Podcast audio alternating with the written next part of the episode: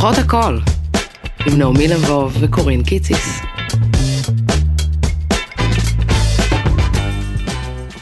בוקר, צהריים וערב טובות לכל המאזינות ולמאזין.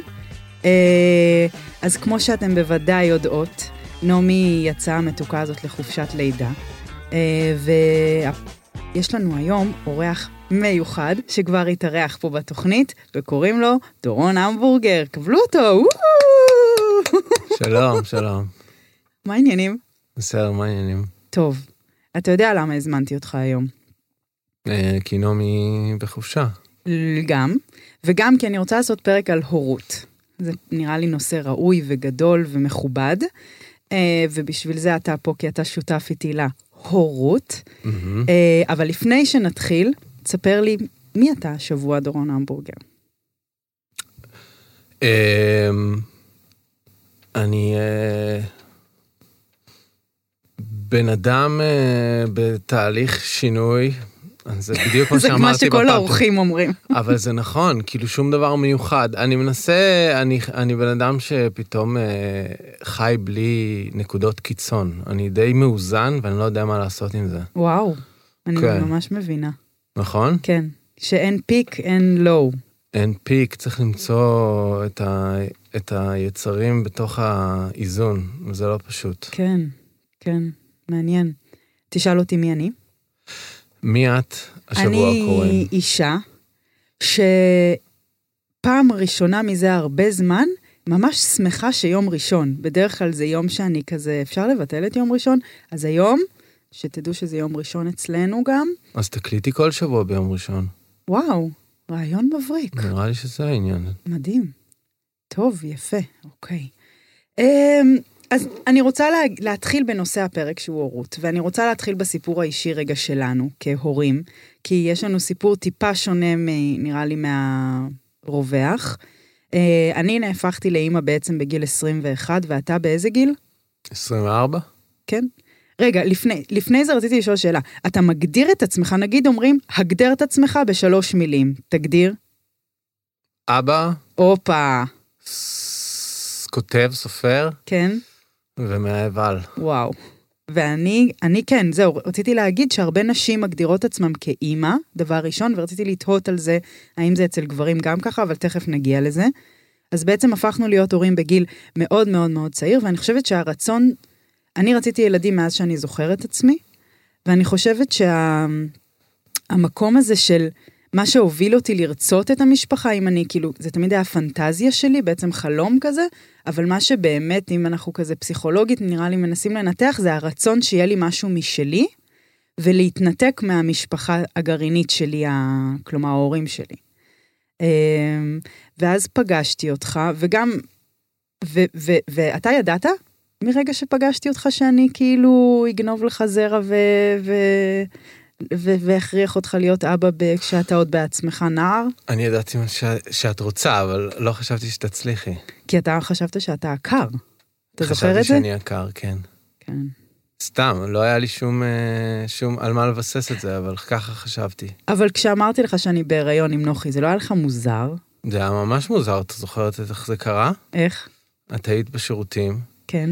יש טענה שבאותה שבוע אני, אני אמרתי, אני הצהרתי שאני לא אביא לעולם המחורבן הזה ילד, כן. ואז יצאת מהשירותים עם סטיקר הריון כזה, כמו של קורונה כזה, עם שתי אה, קווים, כן. ואמרתי לך, מה זה? ואז אמרת לי, אני בהיריון. די, נו. ואז? ואז שתקתי, תשעה חודשים. ואז? נולד ילד. וואו. זה היה הסיפור מבחינתי. כשאני חושבת על זה, זה היה בעצם, נראה לי, הייתי עוד נערה באיזשהו אופן, וזה היה כאילו, נראה לי הדבר הכי מרדני שאפשר לעשות באיזשהו אופן. כאילו, זה כזה כבר לעבור, לא להיות ילדת סנטר, זה כבר עם כזה רסטות ומוהוק, זה כאילו, אני אעשה ילד, בום, מה תעשו לי? נכון, אבל את חשבת על זה כמשהו מרדני? לא, בזמנו אז לא, פשוט בער בי הרצון שיהיה לי ילד. אני יכול להבין את זה היום, בהקשר שלי או בהקשר שלך? בהקשר שלך. כן, אה? כן. ומה שגם תמיד אהבתי ילדים, אמ, ובאמת, טוב, ואז הפכנו להיות בעצם הורים לנוח, שהוא הבן הבכור שלנו, שהיום הוא בן 14, עוד מעט, ואנחנו בעצם חוגגים 14 שנות הורות, שזה די מטורף, לא? ממש. ואז יש לנו את אוריה, שהוא בן תשע, ויש לנו את לאה, שהיא בת שש. אמ, ואני רוצה ישר לשאול אותך, או לדבר רגע על בעצם, אני חושבת שרוב המאזינות שלנו הן אימהות לילדים יחסית אולי צעירים, אולי לא, לא יודעת, אני כן רוצה לדבר על החוויה הזאת של ילד ראשון. אמ, אני חושבת, ובהקשר של כאילו, אני כשנולד לי הילד הראשון, הרגשתי שההורות שלי אליו תהיה 180 מעלות מכל מה שאני גדלתי. כאילו גם זה היה בער בי כאילו לתקן, לעשות אחרת. תנו לי הזדמנות כאילו מחדש, מחדש, לעשות הכל מחדש. ואני חושבת שתכף נפרט ונספר על המורכבות ש, ש, שבאה בעקבות ה, הילד הראשון, אבל אני חושבת שלקח לי הרבה שנים להבין שאי אפשר, האג'נדה לא יכולה להיות רק נגד מה שבאנו איתו מהבית, אלא צריכה להיות, הורות חייבת להיות איזה סוג של תיקון, כדי שהיא תהיה שלמה ולא איזשהו מעשה של הישרדות. אה, רוצה לספר על זה גם משהו? איך הרגשת שנולד לך הילד הראשון? אמ, אני זוכר, קודם כל אני זוכר את הלידה ממש כרגע של... אה, כאילו שהחיים שלי השתנו. כן? ממש. אתה אני, ממש הסתכלת שורה ראשונה. אני שורה ראשונה, אני זוכר המון צבעים, אני זוכר צהוב, אני זוכר כתום, אני זוכר סגול, יו. אדום, המון נוזלים שיוצאים, ואז יוצא איזה מין יצור סגלגל אדום. אבל אני זוכר שכשקמתי בלי... קמתי בבוקר הראשון אחרי שהוא חזר הביתה, אני זוכר שקמתי, והוא היה בתוך עריסה כזה קטנה לידינו, וזו הייתה הפעם הראשונה בחיים שלי שלא קמתי, הבנתי שאני לא קם בשביל משהו שהוא אני. אני קם בשביל משהו שהוא מחוצה לי. וזה היה לי חוויה ממש חזקה. מה? מה זה חזקה? זה שינה לי את החיים. כאילו זה... אני לא מתעסק, השאלה שעולה לי בבוקר זה לא מה אני עושה היום, זה איך אני מטפל בדבר הזה. וואו. וזה שינה לי את כל הסדר עדיפויות בחיים. אבל אין לך רגעים שאתה כזה, וואי, אין לי כוח להיות אבא.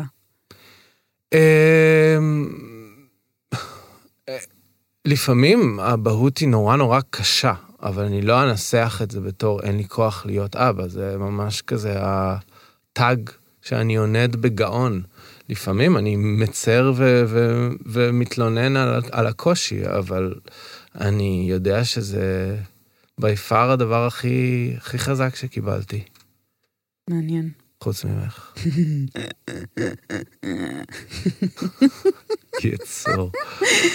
אני רוצה כן, אבל לדבר רגע על העניין הזה, שכשאנחנו נהיות אימהות, אני אדבר בגוף נשים, אבל המודעה פונה לשני המינים, אה, יש המון פנטזיות, יש המון ציפיות, יש המון, כאילו, אני דמיינתי את עצמי כאימא, מין... אה, בת חווה כזאתי, אם כל חי, מניקה, סבלנית כזה, שיאנוש קורצ'ק שלה, שלה עם ציפורים כזה מסביבי. ואני חושבת שכשההורות באמת הגיעה לפתחי, אה, פגשתי המון קושי, שלא ידעתי איך להתמודד איתו, וכן הייתי כל הזמן באיזושהי תחושה שאני לא תואמת את הציפיות של מה שחשבתי שהורות תהיה, וגם אחרי שאני סיימתי להיות מאוכזבת ממני, כמובן שזה עובר גם לילד. כלומר, אני חושבת שההורות הכי מורכבת שלי באמת הייתה לנוח, לבן הבכור, אמ, ואיתו עברתי איזשהו מסע שאפשר לי להיות הורה או הורה יותר טובה לילדים הבאים, ואני רוצה לפרט. אני רוצה רגע להקריא לך משהו, ותגיד לי אם אתה מזדהה איתו, אוקיי? אז אה, זה ספר קודם כל שאני ממש ממליצה עליו, הורות לחירות של דן לסרי. אם אתם מצליחים רגע לשחרר את העין הצינית שלכם, אז זה ספר מדהים. ואני מקריאה לך משהו. הורות תמונה יפה היא העין הניצבת מעל ההורה. צופה בכל מעשיה ושופטת אותה על פי קריטריונים של ההורות הטובה. רבים מן הקריטריונים האלה, לא אגב, יצר ההורה בעצמו בשעה שהיה ילד להוריו, והבטיח לעצמו שלא ינהג כמותם. נדמה שיש ברית סתרים סביב הסיפור הזה, ואף על פי שכל אחד מוסיף לו נופח אישי, עקרונותיו פחות או יותר ידועים לציבור. אמא אינה אמורה לכעוס, לצעוק או להשתמש בכוח. הרי ילדה רך בשנים, ואיך תנצל את כוחה לרעה. מצד שני, אמורה להציב לו גבולות, לחנך אותו, ובשום פנים לא להזניח אותו. בקיצור, תפקידה הוא להביא אותו להיות הילד הזה, שכל מי שיסתכל עליו ידע מיד שיש לו אימא טובה. אני ממש מתחברת ל... כשאני, כשנוח נולד, אני התייחסתי אליו קצת בתור אקססורי שלי. כאילו הייתי מספרת אותו מגניב, וקונה לו מין בגדים, ונורא היה לי חשוב, כאילו איך שהוא היה מתנהג בחוץ, זה היה כאילו אומר עליי.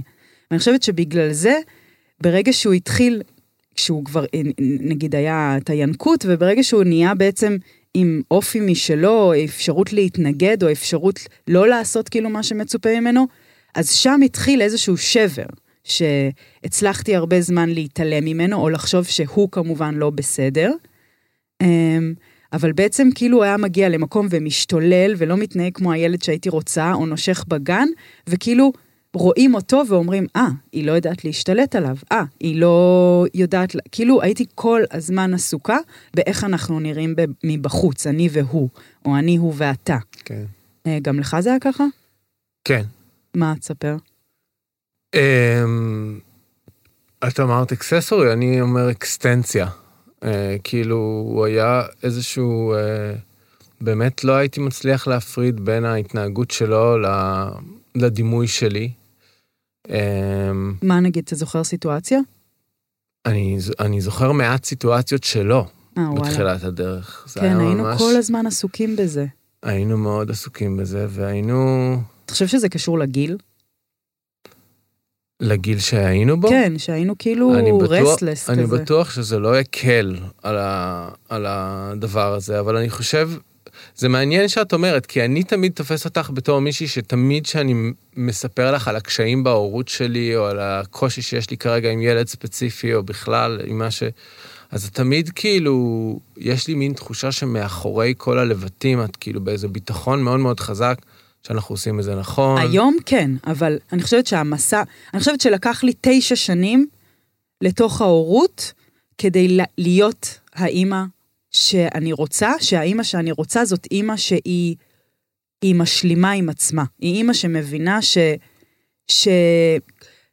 כאילו, האימא שלא מחכה למדליות מהסביבה, וגם לא אכפת לה אם, יל... אם אנשים רואים אותה בעין לא טובה. זאת האימא שאני, כאילו... לקח לי אבל המון שנים להשלים את המסע, והיום זה מקום, ברור שאני... זה, זה היום מקום שהוא פחות... אה,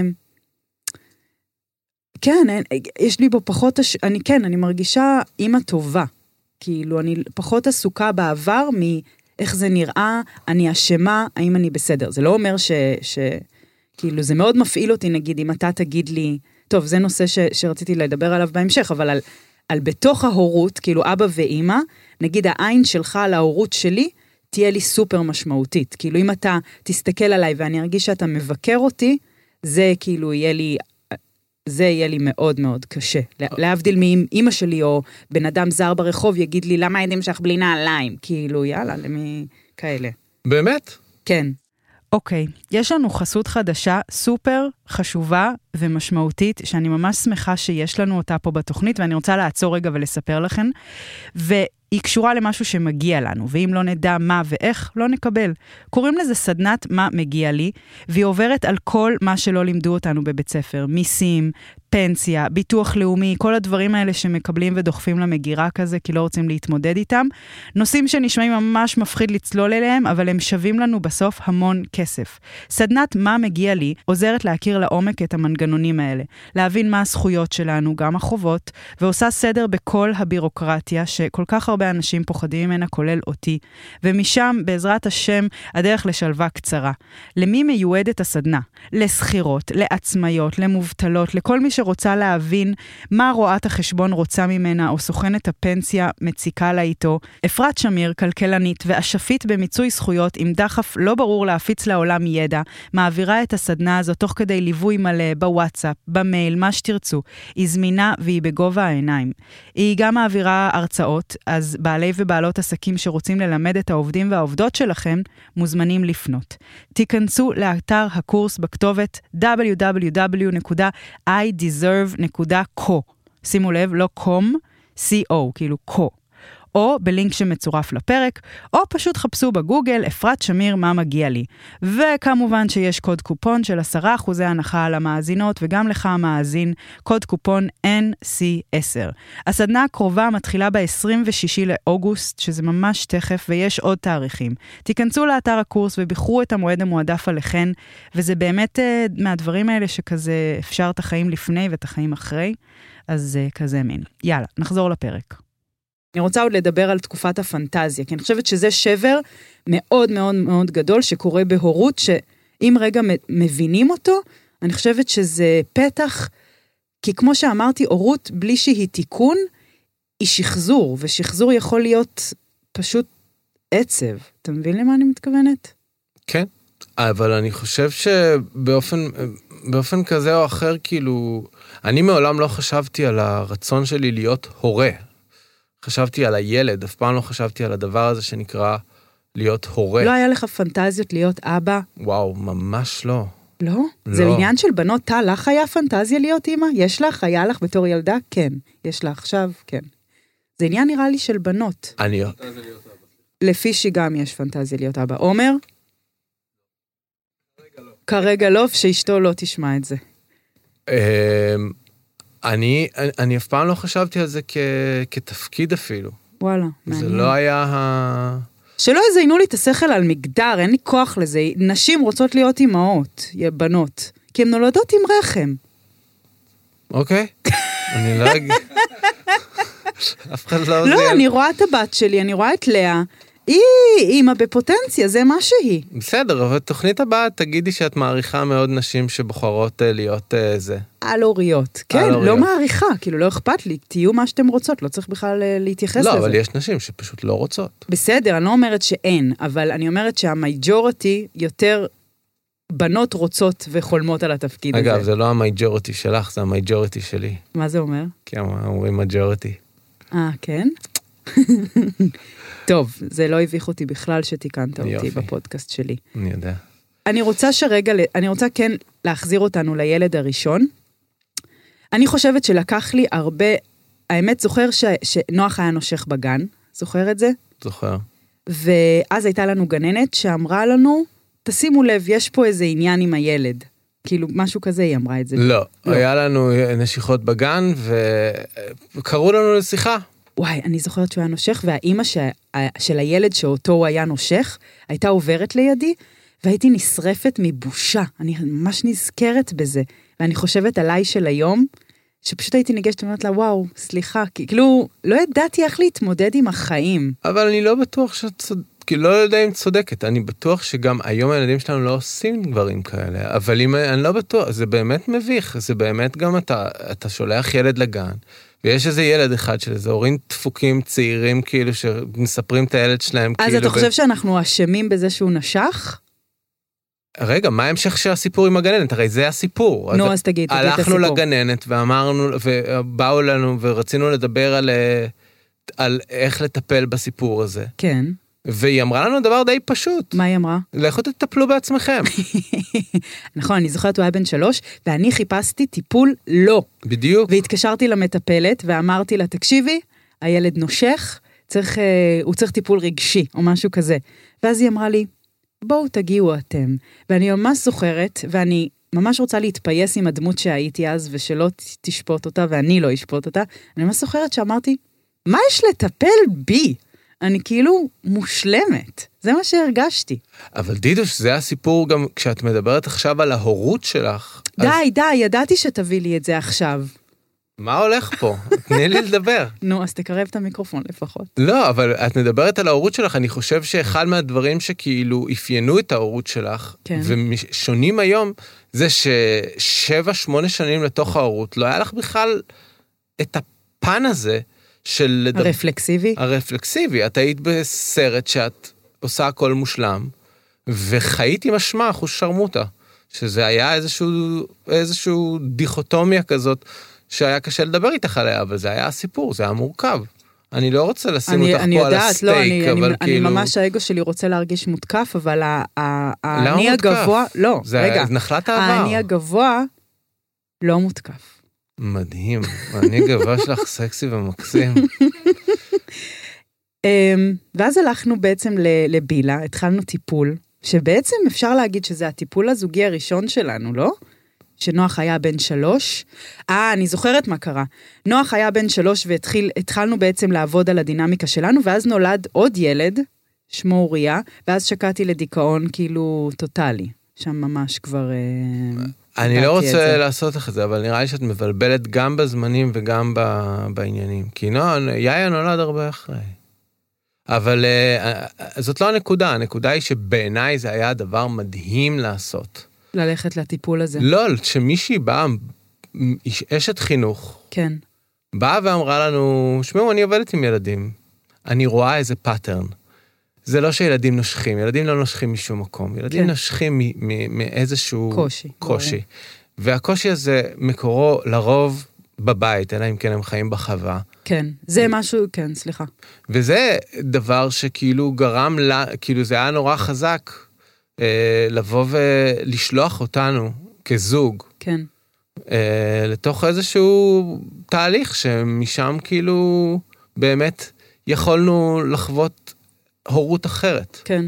ואני אני חושב רואה- שחלק מהדברים שזה הוביל אליהם, זה כן. גם זה הוביל לנסיעה שלנו בחו"ל, נכון. שגרנו בברלין במשך שש שנים, שאני, בעיניי זה הדבר שהכי בנה את ההורות שלנו, נכון. והפך אותנו למ- להורים שאנחנו הפכנו להיות. נכון, גם ראינו מודל אחר של בעצם גידול וחינוך, וגם היינו בתוך עצמנו, היינו כמו אי כזה, משפחה שהיא אי, שמשהו בארץ, בגלל שכל הזמן יש קולות של הסבתא, של הסבא, של החברה, בעצם בארץ יש גם תחושה שנולד לך ילד, הוא, של, הוא כאילו את כבר פדית אותו למדינה כזה. כן. וזה משהו שנתן לנו הרבה... אבל בעיקר אני חושב, זה בתוך המסגרת של המשפחות שלנו ספציפית, אנחנו הרגשנו הורים, אנחנו לא הרגשנו הורים, היינו הורים, אבל הרגשנו כמו ילדים. ילדים, ממש. וכל עוד לא הצלחנו אנחנו לייצר את הבגרות הזו בתוכנו ולהבין, אז נשארנו עם התחושה הזו כל הזמן שהוא אקסטנציה שלנו. כי הרי הא- הא- האבא שלך או אימא שלך אומרים לך משהו על הילד שלך. כן, מה, הם מה לא אמרו לנו על נוחי, שהוא אוטיסט, שהוא לא שומע טוב, בטיפת חלב אומרים לך שהוא, אין, יש לו עין עצלה. כן, אבל זה, זה שרשרת מאוד מעניינת שבה ההורים שלך מעירים לך משהו על הילד שלך, ואתה עצמך לא יכול לשמוע את ההערה שלהם בתור ילד שלהם. נכון, כי אתה ויש עוד, פה אה, איזשהו רצף שהוא כזה, צריך לשבור אותו, והבריחה הזאת לגרמניה, ואני אומר בריחה כי זו הייתה בריחה, כן. ו- וטוב שברחנו, עשתה ממש טוב. נראה לי אנחנו היהודים הראשונים שברחו לגרמניה. אשכרה. אבל אני רוצה רגע, רציתי להגיד לך על העוף, ידעתי שהיא קט- היא קטעה לי חוט המחשבה. אה, אתה מכיר את התופעה הזאת, אני, אפשר, יוצא לי לפעמים זה אבי עצבני, אבל אתה מכיר את לפעמים? התופעה... כן, אני רוצה גם לה, להגיד למאזינות, יוצא לי קול שיפוטי על הורות ואימהות, זה לא, ויש לי גם את הצד הלא שיפוטי, אז כאילו עכשיו רגע זה הצד השיפוטי. מכיר את זה שאומרים, לילד שלי יש הפרעת התנגדות התנגדותית, או הילד שלי סובל מ, טה טה טה טה טה. יש כאילו, וגם אנחנו היינו שם, אני לפחות, כאילו חושבים שיש לילד בה- בעיה, הילד הוא עצבני, הוא מתנגד, הוא עקשן, הוא, אה, מה עוד יש? הוא סובל מטנטרומים, כל מיני דברים כאילו שלוקחים אותם כאילו as given, כאילו פשוט כן. נולד נשמה בעולם והפכה להיות נשמה עם טנטרום. ואני חושבת שזה קול מאוד חשוב לי להביא אותו ל, ל, לעולם, שזה לא בא יש מאין. ואני חושבת שכהורים, וזה התיקון שדיברתי עליו, זה נשמע מטיפני הנאום שלי? בסדר, יאללה, שיזדיינו. כאילו, ה... כהורים, אם אנחנו לא עוברות דרך תיקון ודרך הסתכלות פנימה, נמשיך כל הזמן, כי, כי הילד הוא כמו, נגיד יש את הבן זוג, שהוא כל הזמן, אה, אני חושבת שהוא אשם בסבל שלי, אז גם הילד יכול להיות מקום שבעצם משקף לי כאילו את עצמי, ואני לא מס, מסכימה להתבונן על עצמי, אני חושבת שהוא לא בסדר. אתה מבין למה אני מתכוונת? כן. ילדים דורשים נוכחות, וכשהם לא מקבלים את הנוכחות, הם נהיים בלתי. זה הוויכוח אבל שיש בינינו עד היום, מה לפעמים. הוויכוח? לא, זה לא ויכוח. אנחנו ביחד בפודקאסט הזה, לא נגד. אנחנו לא נגד, זה בסדר שהורים מתווכחים, מאמי. אוקיי, נו תגיד. הכל טוב. לא, סתם, אפילו עכשיו שאמרתי לך על כמה קשה לי עם אה, יאיה. נכון. וכאילו אמרת, מה באמת? ואני כאילו, כן, אני ב- ב- ב- אוכל סרטים על הדבר הזה, אני קם עם זה בבוקר והולך לישון עם זה בלילה. אמ, וזה איזה מקום שאני מזהה בו לחלוטין, שזה איזה משהו שלי שאני מפספס שם. אתה מפספס אותו? לי. או מה? לא הבנתי. אני תמיד מפספס, אנחנו נידונו לפספס, זה גם אגב חלק מההורות, ההורות בעיניי זה הרבה, זה חצי חצי של הדברים שנתת, וחצי של הדברים שפספסת. ממי, איזה לא, יפה. אבל זה נכון, גם זה, זה נורא מגדיל אות, ילדים, נכון, כל מה שהם לא מקבלים זה גם המון. נכון. משם הם מפתחים המון עצמאות, נכון. משם הם מפתחים המון ביקורת, משם הם מפתחים יכולות, באמת, כאילו, אנשים הם ניסים. אם היינו מקבלים את כל מה שהיינו צריכים אה, לקבל מהילדות, היה פה... שעמום. מה זה שעמום? מישהי באמת שאלה, האם אפשר לא לדפוק את הילד שלך בכלל? כמה את חושבת שדפקו אותך וכמה הגיע ממך, וכמה את חושבת שאת דופקת את ילדייך? ואני חושבת שזה ממש מתקשר למה שאתה אומר, אני חושבת שאם נמשיך להסתכל ולהיות מין קורבנות כאילו של ההורות של ההורים שלנו עלינו, אז כמובן שזה יעבור הלאה, ואנחנו מייצרים פה שרשרת שלמה של אה, אנשים שמרגישים דפוקים, אבל בעצם יש משהו נורא יפה בלראות את עצמנו כתולדה של הדפקות שעברו והחוסר שעבר אלינו וגם כל מה שקיבלנו. הנטייה שלנו היא, כ...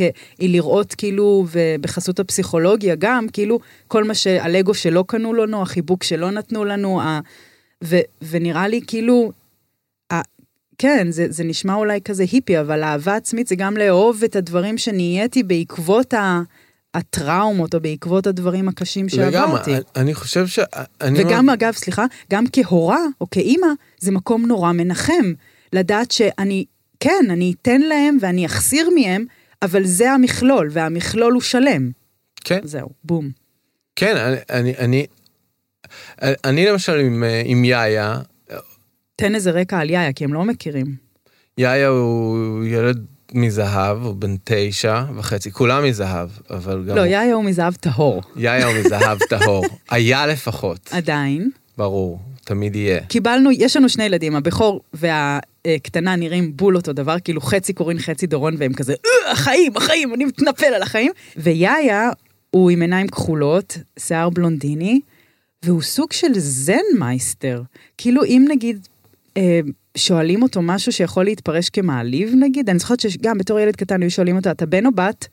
והוא כזה, בן. כאילו, הוא בכלל לא... הוא לא לא מתערבב, הוא לא, באפשרות, כן. לא שזה מעליב להיות בת. לא, לא. אבל מה, מה... לא, רציתי שתיתן איזה הקדמה על יאיה ולמה הוא מחמיר את ליבך. אז אני רציתי להגיד משהו על הורות. אה, בהקשר הזה, אני חושב בסוף, וזה עוד, עוד דבר שכאילו, אני חושב שברגע שאתה מקבל את ההבנה הזאת ש, שזה תיקון, כן, אז אה, תמיד אפשר, אה, אה, זה פשוט בנוגע לשאלה ששאלה המאזינה. כן, אין אפשרות לא לדפוק את הילד שלך. אין אפשרות לא להכאיב לילד שלך. נכון. אין אפשרות שזה לא יכאב. יש אפשרות לדבר, להתייחס ולא להעלים את העין. אני בכלל חושב שהמושג... תגיד דוגמה, מה זאת אומרת? אני חושב שהמושג טראומטי, יש דברים מאוד מאוד קשים, אבל אם כאילו, סתם, אני לא מתעסק, לא אוהב את המושג הזה, אבל אם נדבר על טראומה כמשהו שלא ניתן לעבד אותו, שלילד, הרבה פעמים ילדים חווים טראומות מאוד קשות, או מאוד בסיסיות, בזה שאין להם עדיין כלים שפתיים וקוגניטיביים להבין מה מתרחש. אוקיי, זה אגב, אה, יכול להיות הטראומה הראשונית לכל ילד, שזה הטראומה הפרוידיאנית, שאנשים לא שוכחים שפרויד קרא לזה טראומה, אבל זה להינתק מהציץ של אימא. יש לך איזשהו מקור סימביוטי מזון- מושלם. מזון כן. וחום קבוע, ויש את הרגע הזה, שזה הטראומה, שבו אומרים, זהו, אתה לך תאכל מזון בעיניי על קשה. זה עומד ונופל העולם. כאילו על ה... אנחנו תמיד רוצים, גם. כאילו אנחנו הולכים בעולם בתחושה שמישהו צריך למלא אותנו, אנחנו לא שייכים. עד ש... כי, כי, כי חווינו את זה. נכון. חווינו את זה אפילו יש אם את זה נורא לשנייה. חזק בהתאהבות, כשאנשים מתאהבים, הם כל וואו. הזמן נצמדים אחד לשני קרוב קרוב. אה, אתה חושב שבגלל זה והפנים- מתנשקים? לא רק מתנשקים, זה מחזיר אותנו מוצצים. לימי הינקות שלנו, שהפנים נורא קרובות לפנים של אימא כל הזמן. וואו. ונוצרת איזושהי תחושה אינטימית עמוקה כזאת. אתה לא רואה מסביב לעולם. אימא היא העולם, הפרצוף שלה, השדיים שלה, הגוף שלה, זה העולם שלך. בכל מקרה, כן. זאת תהיה טראומה אחת. אבל אני חושב שאחד הדברים הוא, זה שאנחנו כל הזמן מכאיבים. אגב, זה גם נכון לזוגיות. נכון. אתה כל הזמן מכאיב, אתה כל הזמן בוחר, או אתה נדרש לבחור לא פעם, בבחירות ש, שהן לא, לא לטובת הילד שלך, אלא כי מה שאתה רוצה לעשות. אתה נכון. רוצה לצאת בערב במקום להיות עם ילד, לא משנה, דברים כן. כאלה. הכל בר תיקון. נכון, זה ממש, הכל זה בר מסר עיבוד. שמאוד חשוב לי אם להגיד. אתה מסוגל לבוא לילד שלך ולדבר איתו, ולנסות להבין מאיפה בא הקושי שלו, ולנסות להבין ולהסביר לו גם שאתה יצור עם יצרים שלך, ואתה לא כל הזמן לרשותו. וזה מאוד כואב, אבל לא חיים. נכון. כל עוד יש לזה מילים, כשאימהות או, או אבות נורא מנסים כל הזמן, ואני אומר את זה בהכי כבוד שיש, לכסות את הילד מכאבים וממצוקות. למנוע תסכול, למנוע כאב. הם יכולים למנוע... להצליח, הם יכולים להצליח את זה לשלוש שנים, לארבע שנים. יד, ילדים מראו לי אם יוצא. זה לא, לא, זה לא משנה, זה, זה לא כן. הנקודה, אבל שלוש זה- או ארבע שנים, אבל אחרי, אם אתה שלוש או ארבע שנים נותן כל כך הרבה מעצמך, ואז מחליט שדי, לא מחליט כמה אפשר אה, להחזיק, בדיוק. וגם העולם מתחיל להיכנס פנימה. אז הכאב והקושי לאבד את זה נהיה גדול יותר. וואו, ככל שאתה מעניין. מאפשר מהר יותר לטעויות להיכנס, אבל גם לתת לעצמך לסלוח, ולתת... אבל אתה באמת חושב שזה משהו שאפשר לעשות כשאתה הורה טרי? הרי אנחנו מדברים מפרספקטיבה פה של 14 fucking שנה. איך כאילו הורים, אני זוכרת עצמי, אימא לתינוק, כאילו רק רוצה להיות האימא הזאת שמסתכלת קרוב ומניקה, אבל בפועל נחנקת, נחנקת מבפנים, מרגישה שכאילו אין אותי. ו, ו, ו, וכמה שזה כאילו מדובר, זה לא מדובר, וכשאת מביעה את הקושי האמיתי שלך, שכאילו וואלה, אני זוכרת, וזה זה קשה להגיד, וזה מביך אותי גם להגיד, אבל אחרי שיאיה נולד, אמרתי, למה הבאתי עוד ילד? למה? כאילו, היה, הגוף שלי רצה עוד ועוד ילדים, אבל הנפש שלי קרסה. היא לא ידעה איך להתמודד עם זה. וכאילו, והעולם, למרות שכאילו, העולם זה קולות בנו כמובן, אבל כל הזמן תחושת כישלון. את כאילו, אז, אז אני מרגישה שמצד אחד, כאילו, אני משלה קצת את האימהות הצעירות, שכאילו אני, הן יכולות להיות בפרספקטיבה הזאת, אבל שאת כל הזמן מכבסת ומנקה, ו- ומניקה, ועוד ילד, ובעל, וזה, אין לך משאבים לזהות בעצמך את התיקון הזה שאנחנו מדברים עליו, אותו דבר הזה. אמ, שאת כאילו קורסת תחת ה... זה בס- נראה כמו הישרדות לפעמים, הורות. בסדר, אבל לכל אחד יש את המסלול שלו. יש, יש אימהות שמגיעות לזה באיזשהו, בגיל אחר ובאיזשהו capacity אחר, ומרגישות שזה הדבר הכי טוב שקרה להם. ואת עם הסיבוב שלך ועם המסלול שלך, הגעת להבנות האלה אחרי שש או שבע שנים מתחילת ההורות לא, שלך. אבל אני מתכוונת שיש איזה קול רווח בחברה, שזה מין כזה, הילדים משגעים אותי, משגעים, רק רוצים כאילו שהם ילכו מאיתנו כל הזמן. אתה מבין למה אני מתכוונת? זה, זה אני שומע הרבה. ואני זה- גם רואה ילדים, ו- וזה מתחבר, סליחה, אני קוטעת אותך כל הזמן? את קצת קטעת, אבל סליחה, אנחנו אז סליחה, אני בסדר. באיזה הייפר. הכל טוב, אז להמשיך? בטח. כי רציתי לדבר על ילדים כפויי טובה, כנושא הבא. מה זה? אוקיי, אז אני אסביר לך.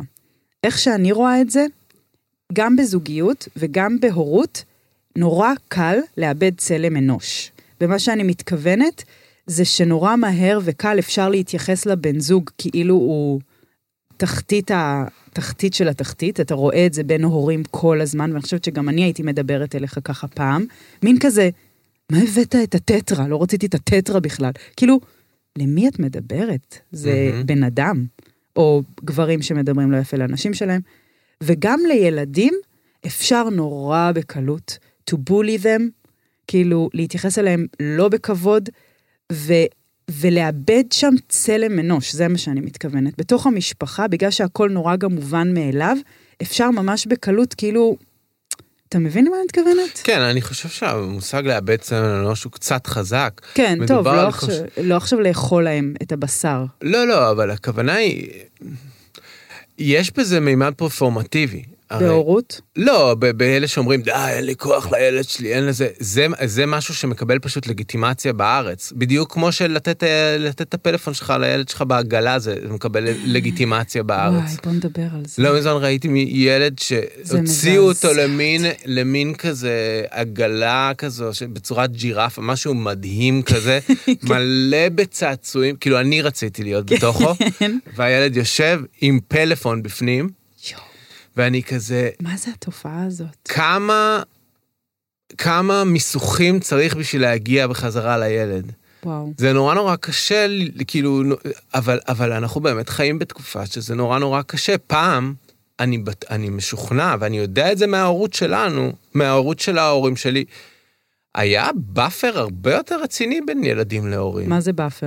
לא יודע, אני זוכר שהיו אירועים, סתם, אירועי, אירועים חברתיים שכמה משפחות נפגשות. אוקיי. אז ההורים היו יושבים ביחד, מעשנים סיגריות וצוחקים, והילדים כאילו בטיזן לא שלוך נוגעים בהם משחק- בכלל. לא, מי אכפת כן, לי? ההורות של היום, השאיפה הזאת להיות חברים של ההורים של, של הילדים שלנו, אני חושבת שבכלל, וכאן אני, עוד פעם זהבי עצבני יוצא, איבדנו את הדרך. איבד, ההורות של היום איבדה כיוון. דידו, זה נורא פטליסטית אבל. אני מצט... אני... לא, סבבה, טוב שאתה נותן לי קונטרה. זה מעליב אותך? לא, לא, אני... לא, זה טוב נורא שאתה מש... לא, כי משקף אנחנו- לי. לא, את אומרת איבדנו את הדרך, אבל אני מדברת בעוד בוועד על תיקון. לא, לא איבדנו את הדרך. נכון, יש אתה איזשהו, צודק, יש אתה איזשהו... לא, וגם כל אחד עושה את המסע שלו. ובאמת נכון. תנאי החיים משתנים. אבל אתה לא רואה מסביבך המון ילדים שהם כאילו כל כך תובעניים וכל כך חסרי אונים וכל כך כאילו... לא יודעת, אני מרגישה ש... וזה מתחבר לי לכבוד שאמרתי קודם. ברגע שרואים ילד כאלף בן אדם בבית שיש לו שתי ידיים ויכול לעזור, אנחנו ביחד בבית כמה? שש ידיים? אה, בחישוב אה, מהיר, עשר. עשר. עשר ידיים. אנשים, יש לכם בבית עשר ידיים שיכולות להבריק כלי נחושת, לנקות קטים. כאילו ברגע שמתייחסים למשפחה כמארג שהוא לא רק הלקוח, הילד והמספק ההורה, אלא ילד הוא חלק. הוא, כאילו זה נותן לו... אני מרגישה שבגלל שאנחנו מנסים כל הזמן לספק את הילדים שלנו, הם נהיים, לא סתם אומרים, מפונקים. כי זה פועל כאילו שאתה מפנק, אז נהיה לך מפונק. ו- ושם אני מרגישה שמשהו נאבד, אתה יודע מה אני מתכוונת? אני פחות מתחבר, אני גדלתי בבית שלא, ואף אחד מעולם לא ביקש ממני לא לסדר את החדר, ולא, כי הייתה אומנת, כן. שהייתה מסדרת, מנקה. ומצחצחת. הייתה, ברור, לא היה לי את הדבר הזה. הייתה אומנת, מבשלת, מנקה ו... אגב, ובוא נדבר על מלבישה. זה, אבל בוא נדבר על זה שנייה, לך לא הייתה. לא הייתה. ואני הרבה יותר עם מודעות ניקיון וסדר, כאילו, ברמה האישית שלי. אבל זה כבר. משהו אחר, כי לי הייתה דוגמה אישית של שד תזמני כזה. סבבה, אבל לי לא היה, כאילו, אני, אני עזבתי את הבית, כאילו, אני הבנתי שאני צריך לעשות את המטלות האלה. אני אגיד לך מה בעיניי עבד בחברה שלנו. עבד באלף. עבד באלף וצריך, ו- והוא... תן כאילו, לנו את זה. יש פעם, כן. וזה, וזה פעם קשור- זה 70's או זה שנות ה-90? פעם, לא יודע להגיד, אני, אני לא יכול לדקר את זה היסטורית, אבל, אבל למשל, אם אנחנו חוזרים לטיול הזה שבו ההורים יושבים ומעשנים סיגריות, פעם אם היה ילד שמתחצף ל- לדוד, לדוד גיורא. כן. דוד אתה גי- חמור, דוד כן, גיורא. אז דוד גיורא, ליד ההורים של, אה, של, אה, של שובל, הילד, כן. היו, היה מרביץ איזה צעקה, או נותן איזושהי תחושה של כאילו, הלו, יש פה מבוגר, ואתה לא תדבר ככה אל מבוגר. אוקיי. היום אם אתה תעשה את זה, הדבר הראשון שיגיד לך ההורה של הילד זה, תגיד לי, איך אתה מדבר לבן שלי?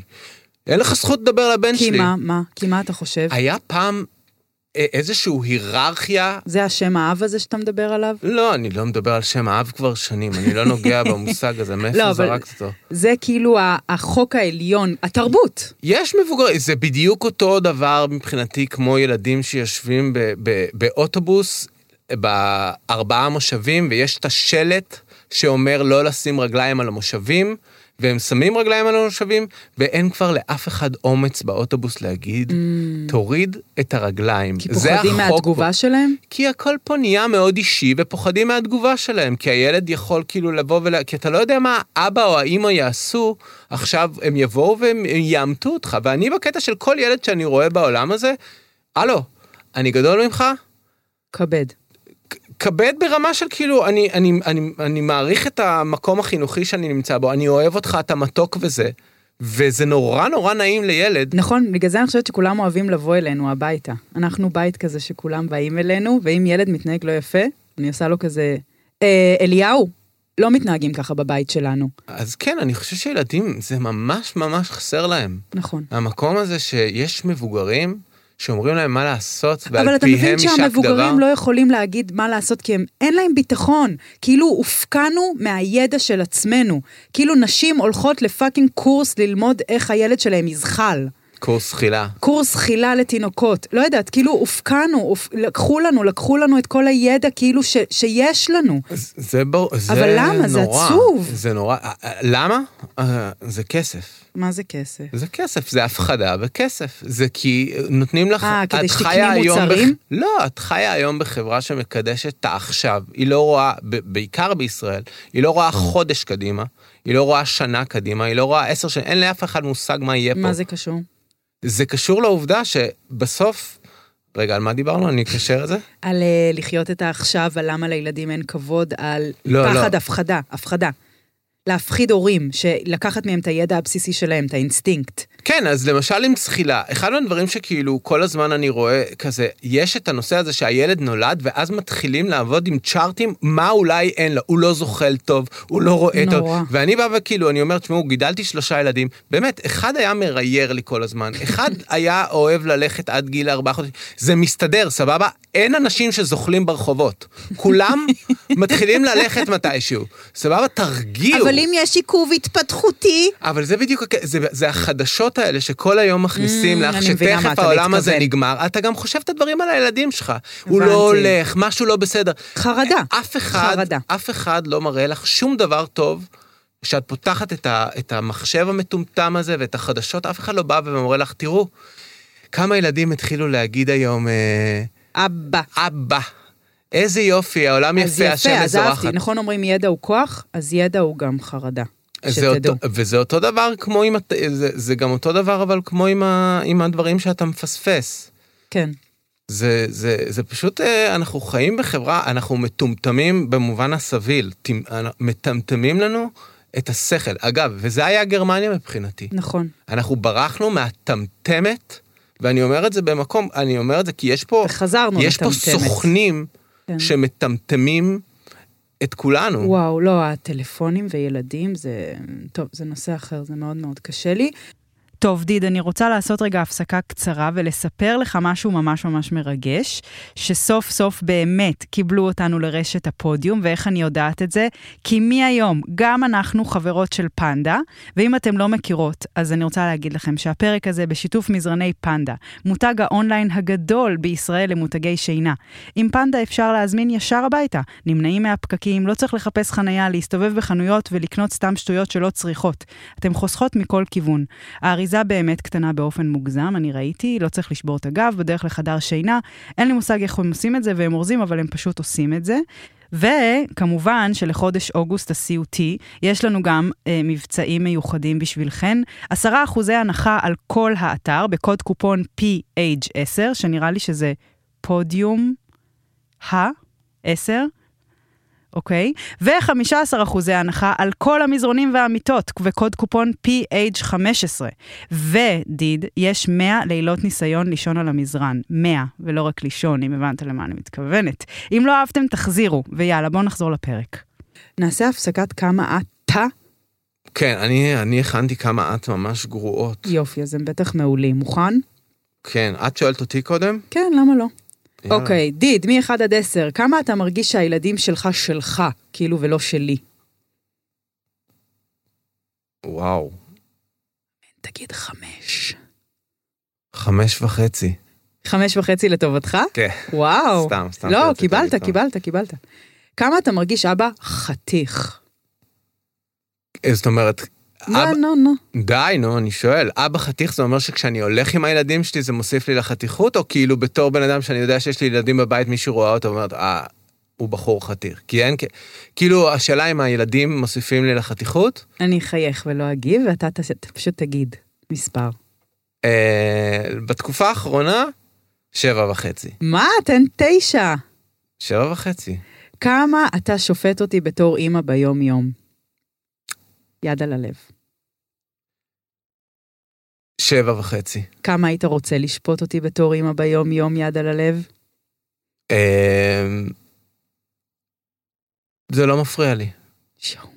זה לא מפריע לי שאני שופט אותך, אני מבין שאני שופט דברים גם בי. זה שוב פעם, אם את חושבת שזה הבעיה שלי, זה בעיה שלי, אני יודע שזו בעיה שלי. אני פשוט, זה מופיע בחיים. בסדר. אני לא רוצה אבל- להיות נו, זן. אז שאמרת, זה לא מפריע לי, אז כאילו, אז זה נשמע שאתה רוצה להמשיך לשפוט אותי. אני לא רוצה להמשיך לשפוט אותך. obviously, יש פה צ... אני, אני יודע להגיב פחות, אני יודע להישאר יותר עם הביקורת שלי ול, ולעשות איתה עבודה. אבל הביקורת זה, זה דבר נתון, אני לא מצפה שיום אחד זה ייגמר. טוב, בסדר, תכף נדבר על זה. כמה אתה נמשך לאימהות מהגן? אה, לאימהות באופן כללי, אפשר עם הספציפית. אה, אז אני רוצה לדבר על מישהי אחת. נו. אני נמשך, אני באופן כללי חייב להודות שאני נמשך בעיקר לאימהות, לא מהגן, אבל שנמצאות פחות או יותר באותו ה... מאותו המקום שבו אני נמצא בחיים. זאת אומרת שאני יודע על העייפות החומר שיש שם, ואני יודע על הרצון כבר לעבור הלאה, זה מושך אותי שאנחנו אוקיי, באותו אוקיי, המקום. אוקיי. אז ו- מאוד, עשר. כן, אוקיי. וכמה אתה שיפוטי כלפי הורים אחרים וחושב שאתה הורה יותר טוב? באופן מוזר, אני לא כל כך שיפוטי להורים אחרים. אני לא שיפוטי, אני דווקא שם יש לי, יש לי כמה חמלה. אתה כנה מ-1 עד 10? יש לי חמלה, אה, לא חמלה, אני יכול לראות, אה, אני לא שיפוטי, אני לא שיפוטי, אני יכול להצביע על הבעיה, אבל אני לא שיפוטי, אני יכול להבין מאיפה הם מגיעים, אני יודע שאני גם הייתי שם. אוקיי, מבינה. יאללה, תשאל אותי. וואי, תקשיבי, עבד לי הזה, עבד לי הפתק. אז יאללה, תמציא. כמה את אדם סקסי כשאת בנוכחות הילדים? מ-1 עד 10. שבע וחצי. וכמה את אדם סקסי כשאת לא בנוכחות הילדים? 13. אמ, לא, לא, דיד, נו מה, איפה השאלות שלך? אני לא מה יודע, קורה? עבד לי השאלות. תמציא עכשיו כל מיני שאלות קקמייקס. לא, רגע, אז היו לי שאלות, אבל אני לא יודע. אני בינתיים אביא. שאלת המאזינה, כי מישהו פה. לא עשה שיעורי בית. נו, בסדר. ואז אני רוצה גם שתקריא משהו שכתבת. למי שלא יודעת ולא האזינה, היה לנו פרק לי ולדורון על זוגיות, שבו הקריא קטע שהוא כותב, כי דורון הוא כותב, ובעזרת השם בקרוב יהיה לו ספר ראשון, אבל בינתיים תעקבו אחריו בפייסבוק. אה, ומישהי שואלת, וזה כן אני רוצה להפנות אליך, ההורות, אבל לא להרחיב על זה יותר מדי, רק כזה חמש דקות ניתן לזה. בוא נעשה תוכנית של 45, 40 דקות אפשר, במקום 50. אנחנו כבר ב-44. יאללה. ההורות תוקעת את האומנות, אין השראה בלהחליף חיתולים. מה עושים? איך גדלים? איך משלבים? ואני מרגישה שאני אענה לך, אני חושבת שדורון ואני בנינו סוג של קריירה צנועה על הורות, כאילו איך משלבים בעצם את היצירה עם היום-יום. אה, אתה כותב המון על ההורות שלך, ואני גם מכניסה לתוך האומנות שלי והיצירה שלי הרבה את המשפחה, ורציתי שתקריא לנו קטע קטן שאתה כתבת. אני רק רוצה להגיד על זה משהו. בבקשה. אני חושב שלרקע הכלכלי שממנו אני נכון, מגיע, נכון, יש לזה השפעה נאות, מאוד מאוד נאות, גדולה. כי גילוי אנחנו, נאות. אנחנו, אנחנו, יש לנו את הפריבילגיה, באמת, זה- וזה בהקשר לא הזה... אוהבת את פריביל- המילה פריבילגיה. אני יודע ש... מרגישה לי פריבילגית. נכון, יש המון אנשים עכשיו שלא אוהבים את המילה פריבילגיה, ולכן אני אומר, זו פריבילגיה שלא הרבה יכולים להרשות לעצמם, באמת לבלות עם הילדים במקום ללכת לעבודה או דברים כאלה. זה דבר מאוד מאוד חזק, ואני חושב, אבל כן, אין בזה, אין בזה שום דבר שמבטיח שהיצירה והיצרים ימשיכו לעבוד גם כש... גם כשנמצאים עם הילדים בבית. את כועסת? בכלל לא. אוקיי. הפרצוף שלך מבהיל. את רוצה שאני אקרא קטע? קטע קצר. איך אנחנו עם הזמן? הוא די קצר, הוא די קצר, הוא לא מה כזה אתם ארוך. אומרים? עוד עשר דקות? אמ, תכננתי שדורון יקריא קטע, ותכננתי לדבר על זוגיות והורות. יאללה, מעולה. אז אני רוצה לה... אני רוצה להקריא קטע ש... סליחה, נכתב ב-2017. רגע, תגיד עוד פעם את המשפט. אני רוצה לה... להקריא קטע ש... שכתבתי ב-2017. אני אפילו לא רוצה, זה קטע שפשוט זכור לי ש... אמ, וזה קטע על, על בכורנו, על כאילו על נוח, על הגדול, וזה היה עוד בתקופות ש... תקופות למידה. כן. 2017 הוא היה בן... 2017 הוא היה בן תשע. תשע.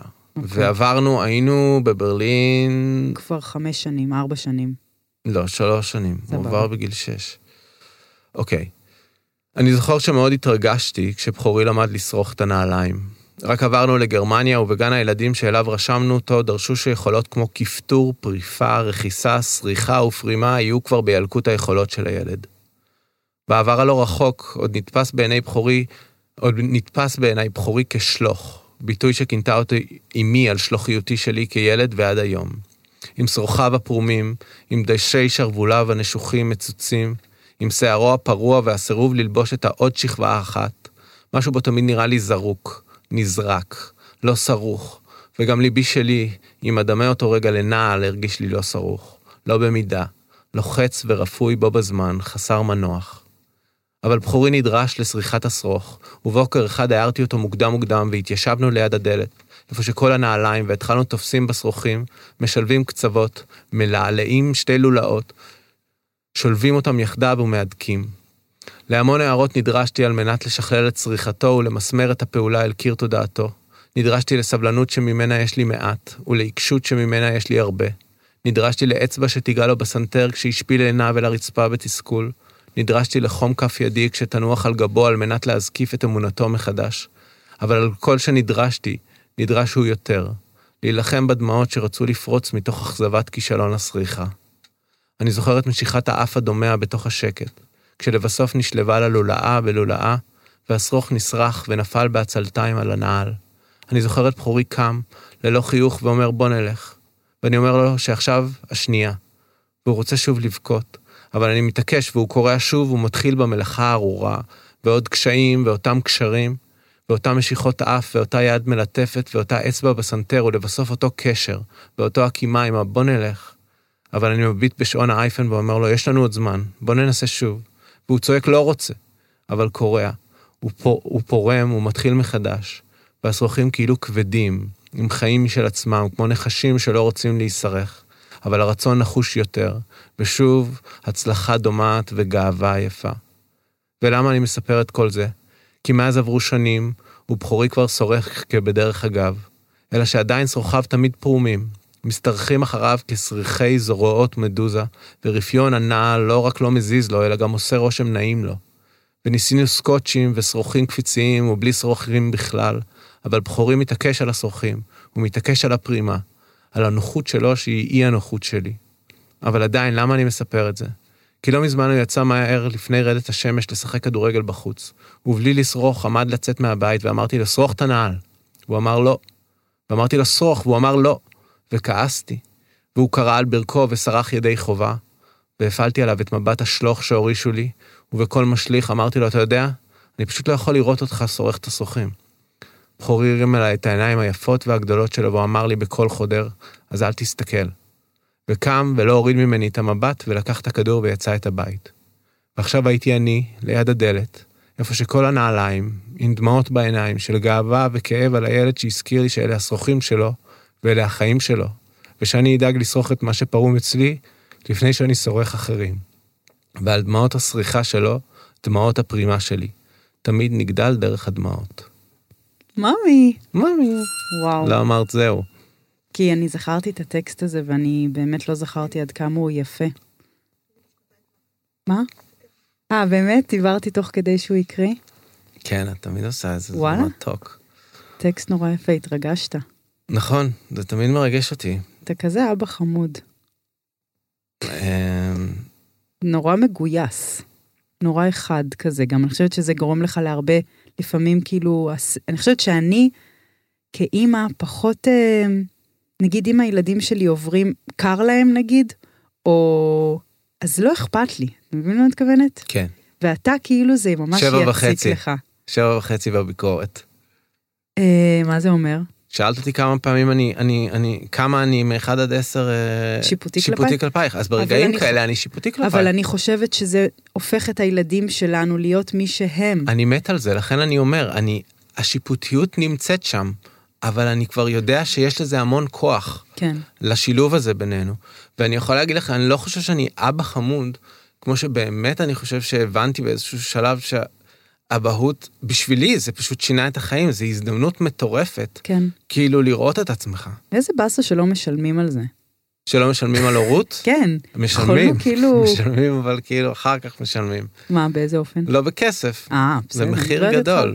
מחיר כבד. אני רוצה לדבר איתך על נושא האחרון שהוא מעסיק הרבה אנשים והייתה גם שאלה עליו. אמ, טוב, רציתי גם לדבר על העברה בין דורית, ועל, אבל קצת נגענו בזה. כאילו, רציתי לדבר איתך, הרבה אנשים חווים משבר כשנולד ילד. זה זר לך? לא? אני חושבת שאצלנו, סתם אם ניכנס רגע לסיפור, בגלל המקום המנותק הזה קצת שלי, אני חושבת שעם שני הבנים הראשונים שנולדו, עדיין הנאמנות שלי הייתה לך. כאילו, אני זוכרת שתמיד אמרו כזה, היו אומרים, כן, הגבר נהיה אפילו במקום אחרי הכלב, או כבר, כאילו, ואני לא הבנתי על מה הן מדברות, כאילו, כי בעיניי לא התייתרת אף פעם, אני חושבת כי אף פעם לא יצרתי חיבור מאוד חזק עם הילד על ההתחלה. ואז כשנולדה לאה, הבת השלישית שלנו, שאני רציתי אותה אגב, ואתה פחות רצית יל, יל, יל, עוד ילד. כאילו לא חשקתי ב... אני אמרתי לך שאני אחרי שבע שנות, ל- ללא שנת, בהם אני קם לילדים, אני קמתי לילדים כן. נכון, כי בלילות דורון, כל אני החיים. פחות הפקדתי בחודשים הראשונים, ודורון שם נתן... לא, אבל לא, באופן כללי את ישנה כן. יותר חזק ואנחנו כבר גלשנו על העובדה שהשינה שלי חרא שאני אקום כבר לילדים כי בין כה וכה אתה קם. נכון. אז אה, אני אמרתי שאני רוצה לחזור לישון בחיים. ואני אמרתי לך, עליי, עליי. עליי. אמרתי לך, זה זה לא יהיה כמו הפעם. מלכה. זה לא יהיה הפעם. כן, אבל, עם לאה. עם לאה, זה לא יהיה כמו פעמים קודמות. ובאמת כשלאה נולדה, א', אני חוויתי לידה מד- בית, לידת בית מדהימה, שאני לא נפתח על זה, אני חושבת שלידה בבית חולים אותי נקרע מהילדים שלי, עשתה לי משהו לא טוב, וגם, אני חושבת שבפעם ראשונה הרגשתי על מה הן מדברות, כאילו, הרגשת לי מיותר בתוך המשוואה הזאת. כאילו, סליחה שאני אומרת את זה ככה בגסות, כאילו, אבל אתה מבין מה אני מתכוונת. כן. אה, לא רציתי... אני לש- גם יתרתי את עצמי באיזשהו כן. אופן כשאמרתי את הדברים האלו, אבל כן. לא רציתי שנשכב, לא רציתי כאילו, הרגשתי כזה, אני והיא, זה לא תן, כאילו היא שלי, אני שלה, היא, אני מניקה אותה בלי, כאילו היה לי שם את הדיאדה הזאת שמדברים עליה, חוויתי את זה פעם ראשונה. ובאמת זה מביא איתו בעצם ל... אה, איך אומרים? רעוע? אה, כאילו מהריש עין עין. כן, איך אומרים? אה, לא משנה, זה, זה מביא איתו למשבר, אוקיי? בוא נגיד תכלס. זה מאוד קשה. מה אתה חושב? תביא את הטייק שלך. לא, אני, אני, הטייק שלי הוא מנקודת המבט שלי, זה היה לי מאוד מאוד קשה. ה- זה, זה נורא, הנה, אפרופו, שוב, נו. השבע וחצי של הביקורת שלי, עם, עם שני הילדים הראשונים שלי, היה לי המון ביקורת לגבי החיבור שלך כאילו, האי לילדים. חיבור. כן, ומאידך, אני קיבלתי המון יחס, נכון. שבילדה השלישית, שפתאום היית בדיוק האימא שחלמתי שתהיי, כן. פתאום אמרתי, fuck, מה זה? אני, אין לי, ש... כאילו, אני רוצה אותך בחזרה, תביאו לי אותה. מה הרגשת? וואי, נו. וואי. נו. עזוב, עזוב? עזוב, הרגשתי חסר תועלת. לא, שוב, הייתה לי תועלת כי הייתי עם הילדים והייתי מאוד תפקודי. כן, הייתה לך תועלת אבל ה... מולך, מולך הייתי בשיגעון. בואי, אנחנו... זה היה המשבר הכי כבד שלנו. נכון. אז כאילו... הרי לרוב זה כאילו אחרי זה אפילו, טוב, אני לא אחשוף את זה, כן, אחשוף, אבל זה לרוב כאילו זה גם אזור, כל הסיפור הזה של המיניות כזה, זה למה סגור, לא ל- לחשוף? זה סגור לרגל חשוב- שיפוצים לאיזה שלושה, ארבעה, חמישה, כאילו, לא יודע, יש גם... תנסה שלוש שנים, ממי לפעמים. ממי, אז זהו, אני שבילדים נתתי לך, הראשונים... מה זה מהר? מה זה מהר? בטירוף. נכון. ולא... לדעתי כבר ב- לפני הברית מילה כבר. אבל רק בדיוק. האמת שזה אחלה לצנזר את פתרון. זה בבקשה. להפך. אמ, אמ, מה, מה, מה העצה שלך לזוגות כאלה? תקשיב, כמה זוגות אנחנו מכירים? תו, פרינס, אה, זה. הם, נפ... מה, מה, מה... הם ש- נפרדו כשהם היו, כאילו לפעמים אנשים נפרדים שנה אחרי ילד. זה, ואני מבינה את זה. מהמם. זה באמת בלתי, כאילו פתאום יש לך א' יצור שאת צריכה לדאוג בו. אני לא מבין את זה. מה לא מבין בזה? זה תרבות העכשיו. קשה לי עכשיו, קשה לי זה, אני לא רואה את זה כדי, שמעי, יכול להיות שזה מעורב באיזשהו בגידה שאי אפשר, זה, אבל אה, בוא, כך, כאילו, אני לא יודע, אני לא מבין את זה, בעיניי זה, זה, זה לוותר על איזשהו ערך שבשבילי, אני לא רוצה להשתמש במולה מקודש, אבל כאילו, הוא. ערך מאוד חשוב. ואני לא מדבר על המשפחה פה, אני מדבר על אז כאילו... מה אתה מציע לאנשים האלה לעשות? יש כל כך הרבה... רגע, אתה רק תזכיר לי, מי הם האנשים האלה? אנשים, האנשים ש... הם אימ- אימהות ואבות שעכשיו נולד להם ילד, או לפני שלוש שנים, או לפני שבע שנים, ויש להם עוד מלא ילדים, והבן אדם שפעם היה מושא אהבתם, שהם כל הזמן רצו להיות איתו ביחד, פתאום קורה התרחקות, פתאום כאילו זה שני אנשים זרים שהם שותפים, אחד מפרנס, אחת אה, דואגת לילדים, או הפוך, לא משנה מגדרית עכשיו, ונהיה פה מין צוות תפעול שמשרת לקוחות תובעניים, שאין לו זמן לנשום, ושהולך ונפער ביניהם, פשוט תהום. איזה תיאור? תיאור אה, כואב, אני לא, אני לא יודע מה להציע להם, אני חושב שכאילו פשוט סבלנות ו... והקדשה של זמן ואמונה, כי הרי גם יש רגעים מאוד מתוקים בתוך זה.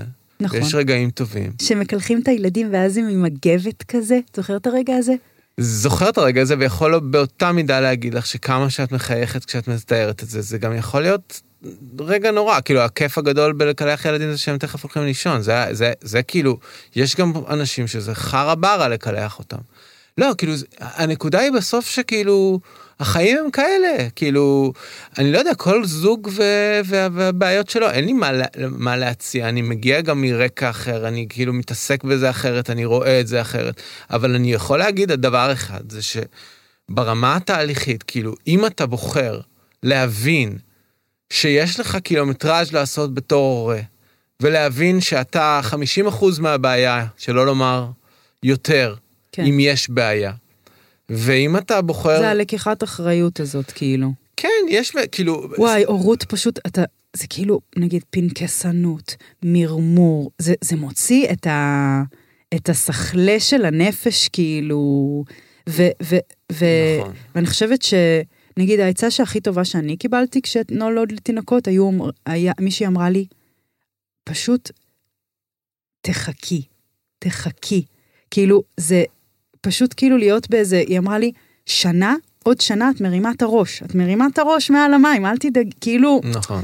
זה מין כזה, היינו שם, כולנו שם, בגלל זה כאילו אני מרגישה גם בפוד, כאילו, שליחות, תדברו את הדברים, להגיד אותם, כאילו, כי זה, תמיד, גם כשאני, שיאיה נולד, הרגשתי פשוט הכי לבד בעולם, אימהות, זה דבר כל כך בודד, נד... כאילו את אומרת מצד אחד, עשו את זה מיליארדי שנים כבר עושים את זה, מצד שני, למה אני מרגישה כאילו אני האימא הראשונה בעולם שלא יודעת מה לעשות? אבל את מדברת על שלב הינקות. יש גם הרבה מאוד uh, משפחות. שם נפער בעיניי ה... ה...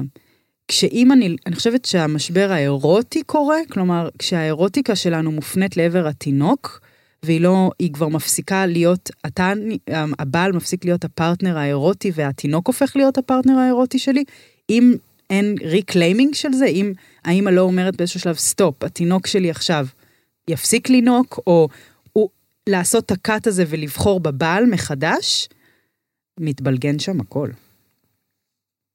תשמעי, זה נורא נורא מורכב, יש המון... מאוד, לא, זה, זה, זה היה נכון לי. המון... אני ממש לא, לא חושבת שזה... יש המון אלמנטים, אבל אני חושב בסופו של דבר שבכל מה שנוגע להורות, אני חושב שכל מי שמביא ילד אה, לעולם, ובעצמו אין לו, הוא לא מזהה את הצורך או המרחב לתיקון עצמי, כן. אז אה, הילד יביא את זה בסוף. ילדים, זה מה שהם מביאים. כן. לא, ילדים מביאים את ההבנה שיש צורך בתיקון, כי רציתי להגיד, 아, את דיברת על שלב האנקות. זה ממש יפה לסיים עם זה מה שאמרת. דיברת אבל על שלב האנקות, יש, יש אנשים שאמרו להם, חכו, והילדים כבר בן עשר ועדיין מאוד מאוד קשה, מסיבות כאלה ואחרות. כן. זאת אומרת שלא מרימים את הראש, גם יש גם אנשים בני 40, אני, אני, אני חושב שאני, היה, היה קשה איתי עד גיל 28. כאילו, ככה אני הרגשתי. כאילו, אתה אומר שהקושי שהילדים מביאים לפתחנו, הוא בעצם פתח, יפה, לשינוי ותיקון, ולראות איך אני לוקחת אחריות על החיים שלי, וכאילו אומרת, לא סתם קשה לי ואני אתקרבן מול הקושי הזה ויגיד כאילו, וואי, איזה ילד קיבלתי, כן. אלא להגיד כאילו, יש פה הזדמנות. אבל זה היה המסלול שלנו, אנחנו נכון. הבאנו את זה בתור צעירים. אני חושב שיש אנשים שמביאים את זה בגיל הרבה יותר מושכל ושהם עשו כבר איזשהו קילומטראז' עם עצמם ועם ההבנה של מי הם ואיך הם יכולים או רוצים להיות. ואז אני חושב שבתוך הדבר הזה הרבה יותר קל לקבל את הקשיים עם הילדים. Mm, זה פחות מבהיל וזה יותר כאילו... ופחות מבהיל, וכשאתה מבין שאתה, כשאני הכרתי אותך, לא היה לך שום מחשבה אי פעם שאת בכלל זקוקה לטיפול באיזשהו אופן. נכון. היית משוכנעת שאת מושלמת. הייתי מושלמת. את עדיין מושלמת. כן. אבל אם... אבל, אבל לא היה לך בכלל את הפן הזה. הרפלקסיביות הזאת. וזה רגע שהוא מאוד מאוד חזק, אני חושב, ו- ואגב, אמרת קודם, ציינת את השם בילה. כן, לא קרה כלום, עוד שנייה. בטח. ציינת את השם בילה, שהיא הייתה המטפלת הראשונה שלנו. נכון. היא הייתה גם המטפלת הראשונה שלך. נכון. בעצם כאילו דרך הנשיכה של הבן שלנו עברנו למין טיפול זוגי שהפך להיות פנים- בעצם נכון. הטיפול שלך. נכון, נכון, נכון. כאילו ממש יש קו ישר בין הנשיכה הזאת לבין איך שאת בעצם עברת לאיזשהו מקום של כאילו לאיזשהו נכון, פאזה החיים אחרת בחיים זימנו לי שלך. בצורה מאוד יפה ושאני אה, מכירה תודה עליה. אה, התחלה של תהליך של ריפוי פנימי ואישי דרך הנשיכות של הבן שלי. ממש, אז נוחי, תודה שנשכת את כל הילדים בגן. ממש, תודה שנשכת. זה, זה באמת להגיד תודה על, ה, על הכל. וואו, לא, זה זו יפה. באמת נשיכה להורים. וואו, זה נשיכה להורים. בית. וואי. דידו, שאני יכולה לדבר איתך. עוד שעות. מזל, מזל שאתה, שאתה הבן זוג שלי, שאתה הבן זוג שלי. באמת מזל. אמ, טוב, אם אהבתם, או כשאהבתם יותר נכון, שתפו, סאבסקרבו, שתפו, סאבסקרבו. שיהיה לכולם צהריים, בוקר וערב טובים. תודה רבה לדורון המבורגר. תודה, מאמי וואי. רוצה wrap? לא. לא. לא, בסדר, טוב, בסדר, לא, לא, לא, פחות. בסדר. אבל אה, תעשי wrap לבד, אני אוקיי. ארקוד. ביי. ביי.